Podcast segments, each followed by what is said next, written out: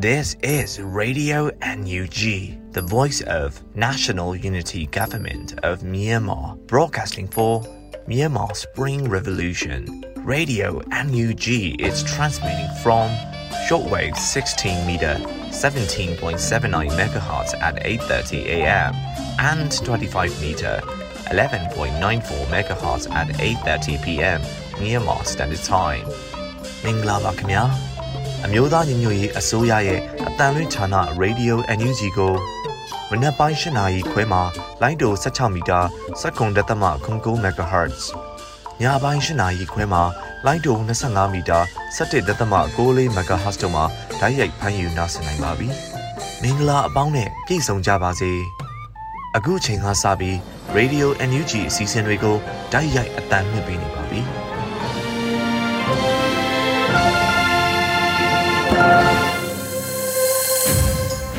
မြန်မာနိုင်ငံသူနိုင်ငံသားအပေါင်းတဘာဝပြီးစစ်အာဏာရှင်ဘေးတို့ကနေကင်းဝေးပြီးကိုစိတ်နှဖျားကြမ်းမှလုံခြုံကြပါစေလို့ Radio NUG ဖွဲ့သားများကဆုတောင်းမေတ္တာပို့သလာရပါတယ်ရှင်။အခုချိန်ကစပြီးကာကွယ်ရေးဝန်ကြီးဌာနရဲ့စစ်ရေးတရင်အကျဉ်းချုပ်ကိုမျိုးဦးမှုမှတင်ဆက်ပေးမှာဖြစ်ပါတယ်ရှင်။မင်္ဂလာပါခင်ဗျာ။ အမျိုးသားညီညွတ်ရေးအစိုးရကာကွယ်ရေးဝန်ကြီးဌာနမှထုတ်ဝေသောနိုင်စဉ်စည်ရဲသတင်းအကျဉ်းချုပ်များကိုတင်ပြသွားမှာဖြစ်ပါတယ်။ပထမဆုံးအနေနဲ့စစ်ကောင်စီနှင့်တိုက်ပွဲဖြစ်ပွားမှုများကို တင်ပြသွားပါမယ်။ကရင်ပြည်နယ်တွင်2022ခုနှစ်ဧပြီလ12ရက်နေ့ကရင်ပြည်နယ်ကော့ကရိတ်မြို့နယ်၌ KNLA နှင့် PDF ပူးပေါင်းသည့်ကျက်တဲ့နက်စစ်ကြောင်းမှစစ်ကောင်စီတပ်ခလာရ နှစ်ခုငါစခတ်တစ်ခုကိုသိမ်းပိုက်ခဲ့ပြီးလက်နက်အချို့သိမ်းဆည်းရခဲ့သည်ဧပြီလ12ရက်နေ့ကရင်ပြည်နယ်မြဝတီမြို့နယ်တင်ငန်းညီနောင်ကျေးရွာရှိစစ်ကောင်စီတပ်ခမရ355တပ်ရင်းစခန်းကို KNLA ပူးပေါင်းတပ်ဖွဲ့မှဝင်ရောက်တိုက်ခတ်ခဲ့ရာလက်နက်ခဲယံအချို့ရရှိခဲ့ကြောင်းသိရသည်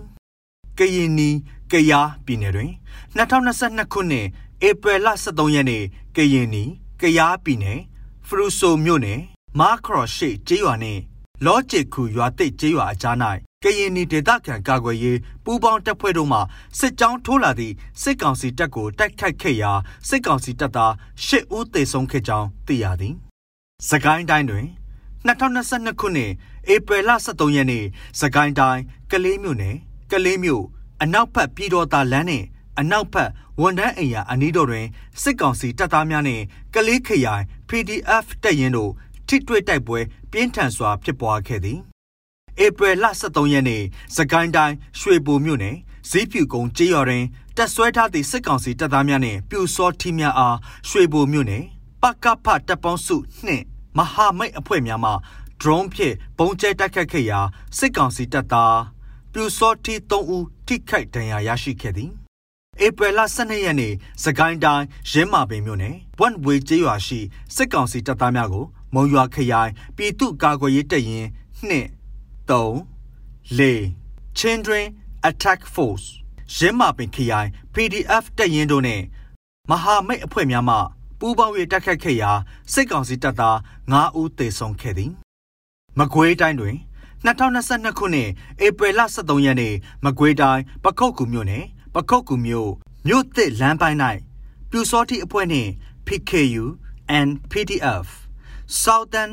YSO PDF King Cobra PDF တို့ပူးပေါင်းတိုက်ခိုက်ခဲ့၍ပြူစောတိ3ဦးသေဆုံးသွားခဲ့သည်ဧပြီလ12ရက်နေ့မကွေးတိုင်းပေါက်မြို့နယ်ဒဇူးရွာ၌မိရှို့၍ခြိတက်လာသည့်စစ်ကောင်စီတပ်သားများအားတောင်ပိုင်းပျောက်ကြားအဖွဲ့ SPGF နှင့်ရောဒေတာ ကာကွယ်ရေးတပ်ဖွဲ့ YDF တို့မှပူးပေါင်းတိုက်ခိုက်ခဲ့ရာစစ်ကောင်စီဘက်မှ10ဦးသေဆုံးခဲ့သည်ရန်ကုန်တိုင်းတွင်2022ခုနှစ်ဧပြီလ23ရက်နေ့ရန်ကုန်တိုင်းခရမ်းမြို့နယ်နှင့်တက္ကလမြို့နယ်ကြားတွင်ရှိသောဇွဲတုံစစ်စေးရေးဂိမ်း၌ခရမ်းမြို့နယ်ပြည်သူ့ကာကွယ်ရေးတပ်ဖွဲ့နှင့်စစ်ကောင်စီတပ်များအပြန်အလှန်ပစ်ခတ်မှုဖြစ်ပွားခဲ့ပြီးမိုင်းများလည်းပောက်ကွဲခဲ့ရာစစ်ကောင်စီမှ10ဦးသေဆုံးခဲ့ပြီး3ဦးထိခိုက်ဒဏ်ရာရခဲ့ကြောင်းသိရသည် ဆက်လက်ပြီးစစ်ကောင်စီကျူးလွန်သောရာဇဝတ်မှုများကိုတင်ပြသွားပါမယ်။ကချင်ပြည်နယ်တွင်2022ခုနှစ်ဧပြီလ12ရက်နေ့ကချင်ပြည်နယ်ပူတာအုံမြို့နယ်တန်ကြားကျေးရွာတွင်အင်အားတရာခန့်တက်ဆွဲထားသည့်စိတ်ကောင်စီတပ်သားများမှဒေသခံပြည်သူများကိုအပြင်ထွက်လျင်ပြစ်တက်မည်ဟုချိန်ချောက်ပြောဆိုနေကြောင်းသိရသည်။ကရင်ပြည်နယ်တွင်2022ခုနှစ်ဧပြီလ23ရက်နေ့ကရင်ပြည်နယ်ကော့ကရိတ်မြို့နယ် ကော့ကရိတ်မြဝတီဆက်သွယ်ထားသည့်အာရှလမ်းမတောနော်ရေတကွန်အနီး၌စစ်ကောင်စီတပ်ဖွဲ့ဝင်များသည်ဂိတ်များချ၍ဖျက်တမ်းသွားလာသည့်ကားများကိုတားကာကားပေါ်မှပါလာသည့်ပြည်သူများ၏ဖုန်းများငွေများကိုလူယူလျက်ရှိကြောင်းသိရသည်ကရင်နီကယားပြည်နယ်တွင်2022ခုနှစ်ဧပြီလ23ရက်နေ့ကရင်နီကယားပြည်နယ်ဒီမော့ဆိုမြို့နယ်ဒီမော့ဆိုမြို့အရှိတ်ပတ်ချံ KMPP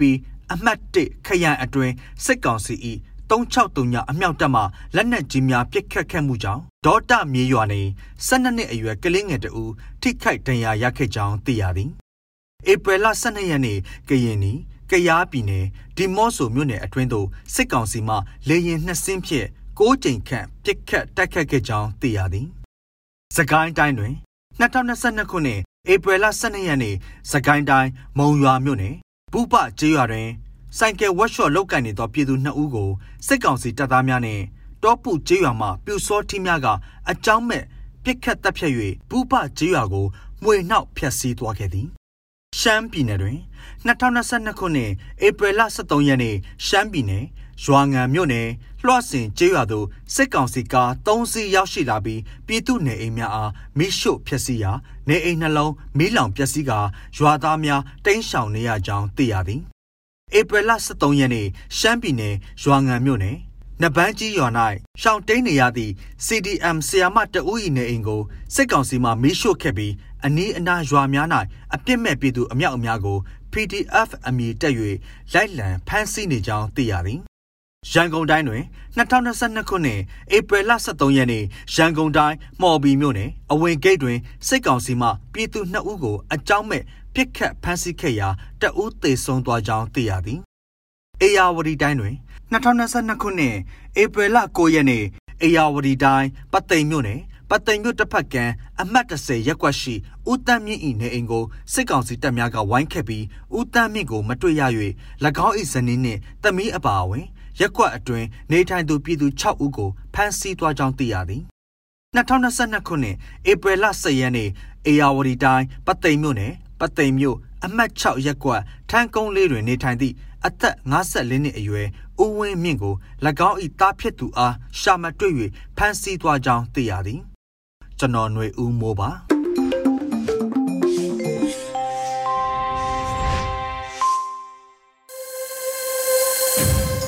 ရေဒီယိုအန်ယူဂျီမှဆက်လက်အသံလွှင့်နေပါတယ်။အခုဆက်လက်ပြီးနောက်ဆုံးရသတင်းများကိုຫນွေဦးမောင်မှတင်ဆက်ပေးမှာဖြစ်ပါတယ်ရှင်။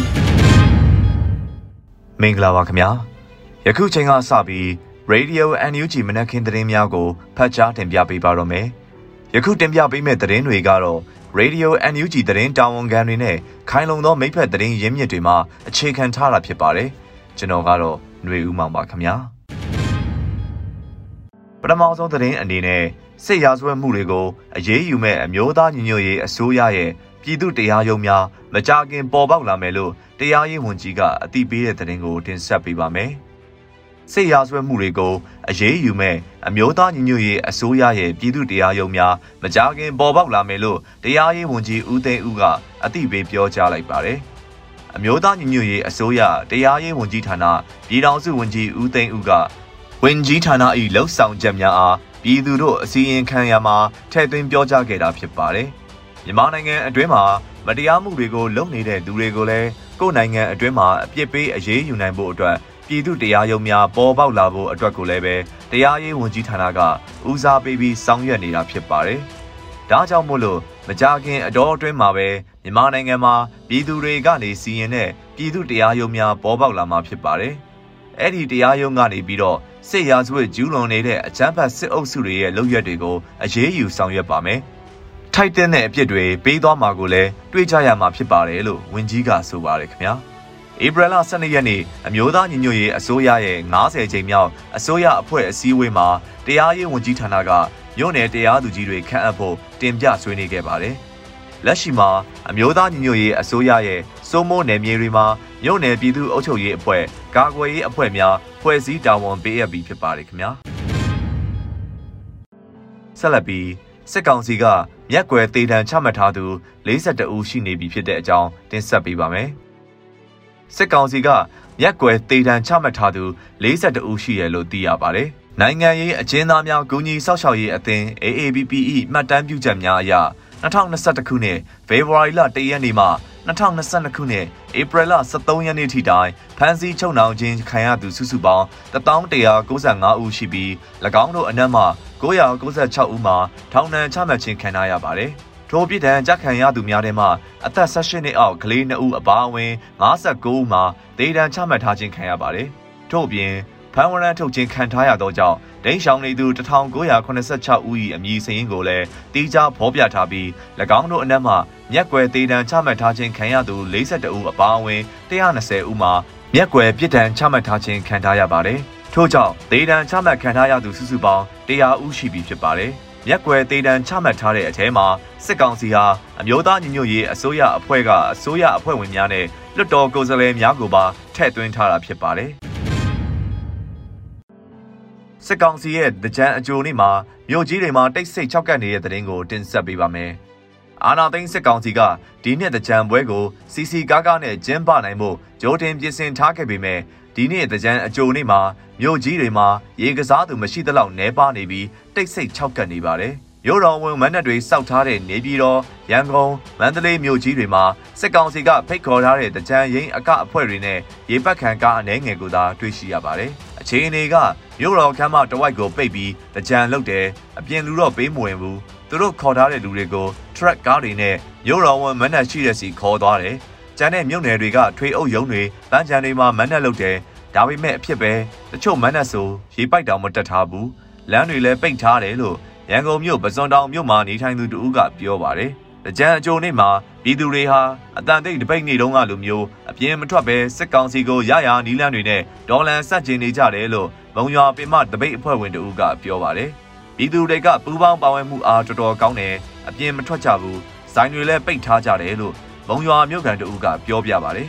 စစ်ကောင်စီရဲ့တကြံအကြိုနေ့မှာမုံရွာဖအံမော်လမြိုင်မအူပင်မြစ်ကြီးနားဒဝဲလောင်းလုံစတဲ့မြို့တွေမှာလည်းရေကစားတဲ့သူတွေမရှိဘဲတိတ်ဆိတ်ခြောက်ကပ်နေတဲ့မြင်ကွင်းတွေကိုဒေသခံတွေကဖော်ပြထားကြပါတယ်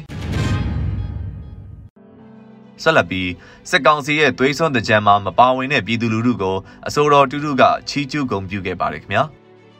စစ်ကောင်စီရဲ့သွေးစွန်းတကြံမှာမပါဝင်တဲ့ပြည်သူလူထုကိုအစိုးရတူတူကချီးကျူးဂုဏ်ပြုလိုက်ပါတယ် ဧပြီလ23ရက်နေ့လူမှုကွန်ရက်မှာအစိုးရတူတူကပြည်သူအစိုးရလက်ထက်တကြံတပ်ပုံများနဲ့စစ်ကောင်စီရဲ့လူသူကင်းမဲ့နေတဲ့တကြံတပ်ပုံတို့ကိုနိုင်ရှင်ပြောကြားခဲ့တာဖြစ်ပါတယ်။အပေါ်ဆုံးကခုနှစ်တကြံရပ်ပုံနဲ့အန်ကုံတူရက်ပုံမနှဲပြန်ရှာရတယ်တူရဲ့လားပြဒိတ်တွေကအသက်ရင်းမှတ်ချင်းတူတဲ့ပြည်သူတွေအတွက်ဂုံယူတယ်ပြောလို့ဆိုထားပါတယ်။2022ခုနှစ်စစ်ကောင်စီရဲ့တကြံကိုပြည်သူလူထုဟာပါဝင်ခြင်းမရှိတာကြောင့်ပွဲစီစဉ်သူများလူငားရမ်း၍ ပွဲစီစဉ်ကြောင်းပြသနေရတယ်လို့စုံစမ်းသိရှိရပါတယ်ခင်ဗျာ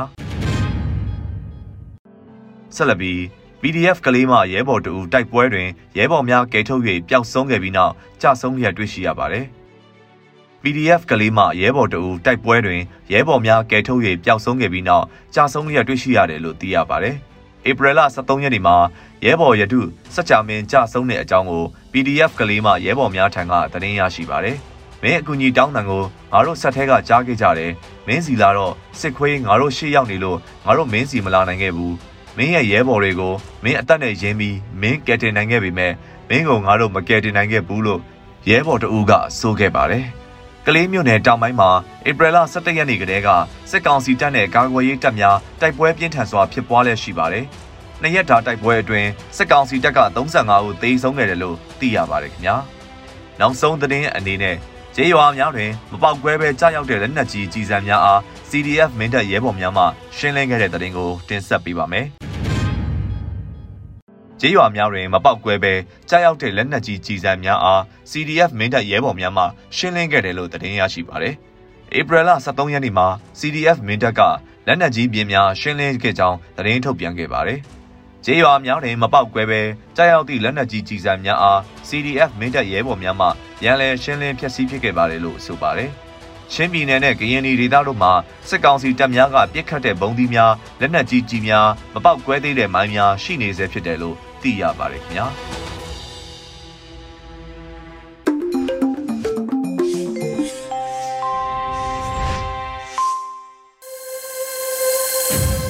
ရေဒီယို NUG မှာဆက်လက်အသံလွှင့်နေပါတယ်။အခုဆက်လက်ပြီးပြည်သူခုခံစစ်တရေများကိုကြော်ຫນွေဦးမှတင်ဆက်ပေးမှာဖြစ်ပါတယ်ရှင်။ပထမဆုံးအနေနဲ့ကြံအကျိုနေရွှေဘိုစည်းပြူကုန်းရွာမှာတက်ဆွဲထားတဲ့စစ်တပ်ကိုဒရုန်းဖြင့်ဘုံကျဲရာစစ်သား၃ဦးပြင်းထန်ဒဏ်ရာရတဲ့တဲ့ရင်ကိုတင်ဆက်မှာပါ။သကိုင်းတိုင်းရွှေဘိုမြို့နယ်စည်းပြူကုန်းကျေးရွာမှာတက်ဆွဲထားတဲ့အကြမ်းဖက်စစ်ကောင်စီတပ်ဖွဲ့များကိုယနေ့ဧပြီလ23ရက်နေ့ကြံအကျိုနေ့မှာ ဒေသကာကွယ်တပ်ဖွဲ့များကဒရုန်းဖြင့်ဘုံကျဲတိုက်ခိုက်ခဲ့ပြီးစစ်သား3ဦးပြင်းထန်ဒဏ်ရာရရှိခဲ့ကြောင်းသိရပါဗျ။အဆိုပါအကြမ်းဖက်စစ်ကောင်စီတပ်စခန်းကို CNT ရွှေဘို Snake Eyes PDF People Defense Force ရွှေဘို Alpha 7ဗိုလ်ကြားရိုင်းအဖွဲ့ပကဖဒေါင်းမန်အဖွဲ့နဲ့တပ်ပေါင်းစုနှစ်တို့မှပူးပေါင်းတိုက်ခိုက်ခဲ့ခြင်းဖြစ်ကြောင်းသိရပါဗျ။ဆက်လက်ပြီး မြေပုံမြို့နယ်မှာကြံအကျိုနေ့စစ်တပ်နဲ့ AA တို့တိုက်ပွဲဖြစ်ပွားတဲ့တဲ့ရင်ကိုတင်ဆက်ပါမယ်။ရခိုင်ပြည်နယ်မြေပုံမြို့နယ်ဝက်ကောင်းကျေးရွာနီးမှာစစ်တပ်နဲ့ AA တို့နှစ်ဖက်ထိတွေ့တိုက်ပွဲများဖြစ်ပွားနေကြောင်းဒေသခံလွှတ်တော်အမတ်ဟောင်းထံမှသိရပါဗျ။ AB လ23ရက်နေ့နေ့လယ်ပိုင်းမြေပုံမြို့နယ်9ပိုင်ခန့်ကွာဝေးတဲ့မြေပုံမင်းပြားကားလမ်းပေါ်ရှိဝက်ကောင်းကျေးရွာအနီးတောင်ဘက်အဆက်ဆေးကန်းတစ်ခုအနီးမှာ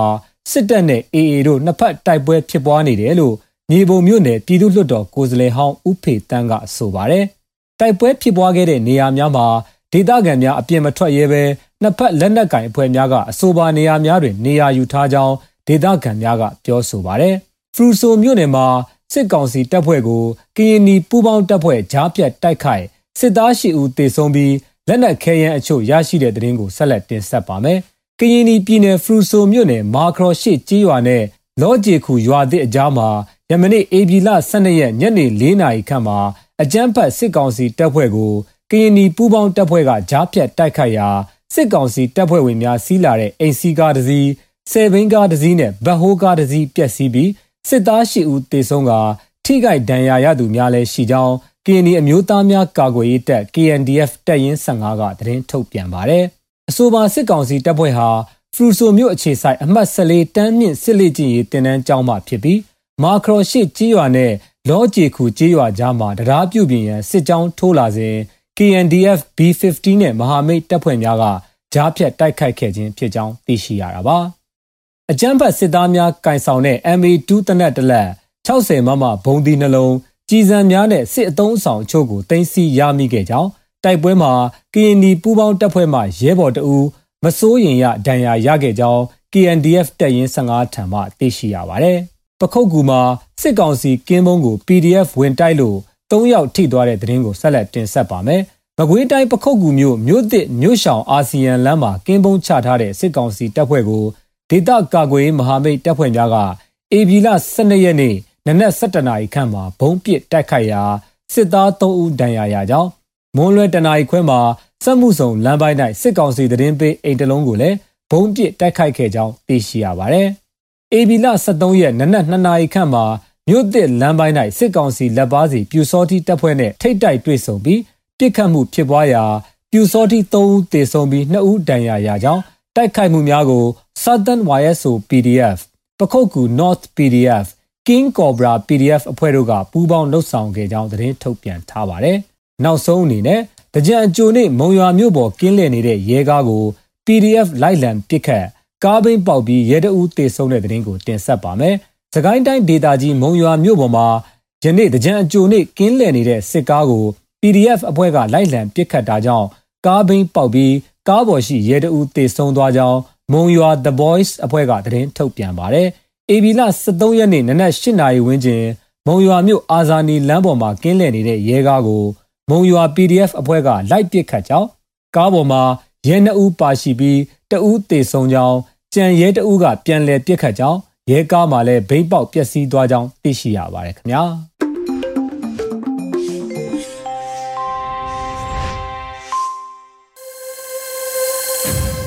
Radio NUG မှာဆက်လက်အသံလွှင့်နေပါတယ်။အခုဆက်လက်ပြီးနေ့စဉ်သတင်းများကိုမျိုးတော်တာမှတင်ဆက်ပေးမှာဖြစ်ပါတယ်ရှင်။ အခုပထမဆုံးတင်ဆက်ပေးမယ့်သတင်းကတော့တော်လန်တကြမှာຫນွေဦးထီထိုးလို့ရတယ်ဆိုပြီးထုတ်ပြန်ကြေညာလိုက်တဲ့သတင်းပါ။ CDM တွေကိုအထောက်အကူပြုဖို့လှုံ့ဆော်နေတဲ့ຫນွေဦးထီမိသားစုကတော်လန်တကြံကာလအတွင်းမှာလဲຫນွေဦးထီထိုးလို့ရတယ်ဆိုပြီးတော့ຫນွေဦးထီမိသားစုကထုတ်ပြန်ကြေညာလိုက်တာပါຫນွေဦးထီမိသားစုကတော်လန်ရေးထီဖြစ်သည့်အလျောက်အာနာရှင်ကိုစန့်ကျင်ရတွင်ဘယ်သောအခါမျှသွေးအေးသွားမှာမဟုတ်ကြောင်းကိုအကြမ်းမဖက်ပြသနိုင်မဲ့လမ်းကြောင်းတရားလေးဖြစ်တာမို့ຫນွေဦးထီကိုအားပေးရင်ဒေါ်လန်ရေးမှာပူပေါင်းပါဝင်အားဖြစ်ပေးကြဖို့အလေးအနက်တိုက်တွန်းလိုက်ရပါတယ်လို့ထုတ်ပြန်ခဲ့တာပါ ါနှွေဦးထီကိုအခက်ခဲအကြက်တဲများကြားမှာအားပေးနေကြတဲ့မိဘပြည်သူအလုံးကိုအထူးပင်ကျေးဇူးတင်ရှိတယ်လို့လည်းဖော်ပြထားပါတယ်။ထုတ်ပြန်ချက်ထဲမှာတော့နှွေဦးထီကိုမနက်10:00နာရီကနေည10:00နာရီအထိဖွင့်လှစ်ရောင်းချမှာလည်းဖြစ်ပါတယ်။နှွေဦးထီထိုးရန်အခက်ခဲများရှိပါကအကူအညီဖြည့်ရှင်းပေးနိုင်ရအတွက်လည်း Telegram မှာတဆင့်ဆက်သွယ်နိုင်တယ်လို့နှွေဦးထီမိသားစုကအသိပေးထားပါတယ်။ အခုတင်ဆက်ပေးမယ့်သတင်းကတော့မြန်မာကိုအထောက်ပံ့တွေပုံမပေးအပ်ပြီးအကူအညီတွေအတားအဆီးမရှိဘေးကင်းလုံခြုံစွာရောက်ရှိရေးနဲ့လူမှုဝန်ထမ်းတွေရဲ့ဘေးကင်းလုံခြုံရေးအတွက်ဆီယနာရှင်ကိုဖိအားပေးကြဖို့ဒေသတွင်းမိတ်ဖက်တွေကိုအမေရိကန်တိုက်တွန်းဆိုတဲ့သတင်းပါ မြန်မာနိုင်ငံကိုလူသားချင်းစာနာမှုဆိုင်ရာအထောက်အပံ့တွေပုံမပေးအပ်ပြီးအကူအညီတွေတားဆီးမရှိဘေးကင်းလုံခြုံစွာရောက်ရှိရေးနဲ့လူမှုဝန်ထမ်းတွေရဲ့ဘေးကင်းလုံခြုံရေးအတွက်ဆင်အာရှင်ကိုဖိအားပေးကြဖို့ဒေသတွင်းမိတ်ဖက်တွေကိုတိုက်တွန်းကြောင်းမြန်မာနိုင်ငံဆိုင်ရာအမေရိကန်တန်ယုံကဧပြီလ23ရက်မှာဖော်ပြထားပါတယ်။ မြန်မာနိုင်ငံမှာလူသားချင်းစာနာထောက်ထားမှုအကြက်တဲတွေပုံမဆိုးရွားလာတဲ့အတွက်လူသားချင်းစာနာမှုဆိုင်ရာအထောက်အပံ့တွေပုံမပေးအပ်ကြဖို့နဲ့အန်တရင်နဲ့လက်တကားမှာရှိနေကြတဲ့လူမှုအတိုင်းဝန်းတွေစီကိုလူသားချင်းစာနာမှုဆိုင်ရာအကူအညီတွေအတားအဆီးမရှိဘေးကင်းလုံခြုံစွာရောက်ရှိရေးကိုခွင့်ပြုဖို့နဲ့လူမှုဝန်ထမ်းတွေရဲ့ဘေးကင်းလုံခြုံရေးအတွက်ဆရာနာရှင်ကိုဖိအားပေးသွားကြဖို့ဒေသအတွင်းနဲ့အခြားစိတ်သဘောထားတူညီမျှတတဲ့မိဖက်တွေကိုအမေရိကန်အစိုးရကအားပေးတိုက်တွန်းထားတာဖြစ်ပါတယ်။ ဒါအပြင်အလွန်သိသာထင်ရှားတဲ့လူအခွင့်အရေးဆိုင်ရာပြဿနာတွေမှာဆီယနာရှင်အဖွဲ့ရဲ့ဥပဒေမဲ့သို့မဟုတ်တရားလက်လွတ်တပ်ဖြတ်မှုတွေအင်အားသုံးပြီးအစဖျောက်ဖျက်မှုတွေညှဉ်းပန်းနှိပ်စက်မှုတွေနဲ့တခြားရက်ဆက်ပြီးလူမဆန်တဲ့သို့မဟုတ်ယုံညံ့တဲ့အပြုမှုတွေသို့မဟုတ်အပြစ်ပေးမှုတွေဂျားမအခြေပြုအကြမ်းဖက်မှုတွေတရားလက်လွတ်ဖမ်းဆီးမှုသို့မဟုတ်ထိမ့်သိမ်းမှုကြမ်းကြုတ်ပြီးအသက်အန္တရာယ်ကိုချိန်ချောက်တဲ့ထောင်တွင်းအခြေအနေတွေနဲ့ပတ်သက်ပြီးခိုင်လုံတဲ့အကြောင်းအရာတွေကို2021လူအခွင့်အရေးအစီရင်ခံစာမှာပါဝင်တယ်လို့ဖော်ပြထားပါတယ်။2021ဖေဖော်ဝါရီမှာသမ္မတဘိုင်ဒန်ကအာဏာသိမ်းမှုကိုတုံ့ပြန်တဲ့အနေနဲ့အမေရိကန်အစိုးရကဗဏာရေးတန်ခတ်ပိတ်ဆို့အရေးယူမှုတွေကိုပြုလုပ်နိုင်စေတဲ့သမ္မတရဲ့အမိန့်ကိုလက်မှတ်ရေးထိုးခဲ့တဲ့အချိန်မှစပြီးအမေရိကန်အစိုးရဟာစစ်တပ်ရဲ့ထိပ်တန်းကောင်းဆောင်တွေနဲ့စစ်တပ်အတွက်ဝန်ငွေရှာဖွေပေးနေတဲ့စီးပွားရေးလုပ်ငန်းတွေအပါအဝင်လူပုဂ္ဂိုလ်80ဦးနဲ့လုပ်ငန်းသုံးမဟုတ်အဖွဲ့အစည်း28ခုတို့ကိုတန်ခတ်ပိတ်ဆို့အရေးယူခဲ့ပြီးဖြစ်ကြောင်းဖော်ပြထားပါတယ်။ စစ်တပ်ဟာလူနည်းစုတိုင်းရင်းသားတွေနဲ့ဘာသာခြားတွေပါဝင် နိုင်ငံတော်ဝန်မှာကြမ်းကြုတ်ရက်စက်မှုတွေနဲ့လူအခွင့်အရေးချိုးဖောက်မှုတွေကိုဆက်လက်ကျူးလွန်နေတာကိုခိုင်လုံတဲ့အစီရင်ခံမှုတွေကဖော်ပြလျက်ရှိပြီးတော့ဆီယနာသိမ့်ခဲ့တဲ့အချိန်ကစတင်ပြီးအမေရိကန်ပြည်ထောင်စုဟာမြန်မာပြည်သူတွေကိုအားပေးထောက်ခံခြင်းနဲ့မြန်မာနိုင်ငံကိုဒီမိုကရေစီလမ်းကြောင်းပေါ်ပြန်လည်ရောက်ရှိရေးတို့ကိုတက်ဆိုင်မမတ်ဆောင်ရွက်လျက်ရှိတယ်လို့လည်းဖော်ပြထားပါတယ်။ အခုနောက်ဆုံးအနေနဲ့မြန်မာနိုင်ငံတဝန်းကလူမျိုးပေါင်းစုံဘာသာပေါင်းစုံပါဝင်တဲ့ဆီယနာရှင်အမြင့်ပြတ်ချင်းမုံရေးလူထုဆန္ဒပြပွဲသတင်းတွေကိုစူးစီးတင်ဆက်ပေးမှာဖြစ်ပါတယ်။ မကွေတိုင်းကံကောခရိုင်ထီလင်းမြို့နယ်မှာဒေသခံပြည်သူတွေကရော့ပြည်သူကာကွယ်ရေးတပ် YTF ထီလင်းဘတ်တာ Lion 3 SSN ရဲ့လုံခြုံရေးယူပေးမှုနဲ့ဆီယနာရှင်စန့်ကျင်ရေးဆန္ဒပြတပိတ်ကိုပြုလုပ်ခဲ့ပါတယ်။ဆန္ဒပြပြည်သူတွေကအပျော်တကြံဒုံညင်းဆန်တော်လှန်တကြံပြည်သူအတန်သွေးအေးနေမလားမတွေးနဲ့ပျောက်ကြားထိုးစစ်နွဲနေပြီဆိုတော့စာသားတွေကင်ဆွဲပြီးတော့အကြံဖက်ဆီယနာရှင်ကြားဆုံးရေးချီတက်ဆန္ဒပြခဲ့ကြတာပါ။ ရန်ကုန်မြို့တနေရာမှာလည်းတော်လန်တကြံအတွက်ဆန္ဒပြလှုပ်ရှားမှုအဖြစ်နဲ့ရန်ကုန် Revolution Force YRF ရန်ကုန်တော်လန်ရေးအင်အားစုဒီနေ့မှာပြုလုပ်ခဲ့ကြပါတယ်။ ဆန္ဒပြလှုပ်ရှားမှုပြုလုပ်ခဲ့ကြတဲ့သူတွေကသွေးစွန်းတဲ့ကြံတိုဒေါ်လန်ဆိုတဲ့စားသားကိုရန်ကုန်မြို့တနေရာမှာချိတ်ဆွဲခဲ့သလိုအကြမ်းဖက်စစ်ကောင်စီရဲ့ဝါရဖြန့်စီစဉ်နေတဲ့တကြံပွဲတော်ကိုစန့်ကျင်တယ်လို့လည်းဆိုထားပါတယ်။စကိုင်းတိုင်းလက်ပတောင်းတောင်ဒေသမှာလက်ပတောင်းတောင်ပင်မတပိတ်ကော်မတီဝင်တွေကဥဆောင်ပြီးတော့ဒီနေ့မနက်မှာတော်လှန်တကြံအဖြစ်နဲ့မုံလုံးရေပေါ်တပိတ်ကိုပြုလုပ်ခဲ့ကြပါတယ်။တော်လှန်တကြံတပိတ်ပြုလုပ်တဲ့သူတွေကဒီနေ့ကြာရောက်တဲ့တကြံအကြိုနေ့မှာအလံမလိတ်အတံမတိတ်တော်လှန်တကြံတပိတ်ကောင်းစင်နဲ့မုံလုံးရေပေါ်တပိတ်ပြုလုပ်ခဲ့ကြတာပါ။ တနင်္သာရီတိုင်းမြိတ်ခရိုင်မြိတ်ပြည်သူ့ကာကွယ်ရေးတပ်ရင်းနှစ်ရဲ့ရဲဘော်တွေကဒီနေ့ကြာရောက်တဲ့တကြံအကြိုနေ့မှာတော်လှန်တကြံဆင်နွှဲကြဖို့အတွက်ဆန္ဒပြလှုပ်ရှားမှုတွေပြုလုပ်ခဲ့ပါတယ်။ဆန္ဒပြရဲဘော်တွေကဖက်စစ်တကူတို့မမျိုးဖက်စစ်တကြံတို့တော်လှန်စာသားတွေကင်ဆောင်ပြီးအကြံဖက်ဆီယနာရှင်စန့်ကျင်ရေးဆန္ဒပြခဲ့ကြတာပါဒါကတော့ဧပြီလ23ရက်ဆီယနာရှင်မြစ်ပြချင်းမုံရေးလူထုဆန္ဒပြပွဲတရင်တွေကိုစူးစီးတင်ဆက်ပေးခဲ့တာပဲဖြစ်ပါတယ်ကျေးဇူးတင်ပါတယ်ရှင်က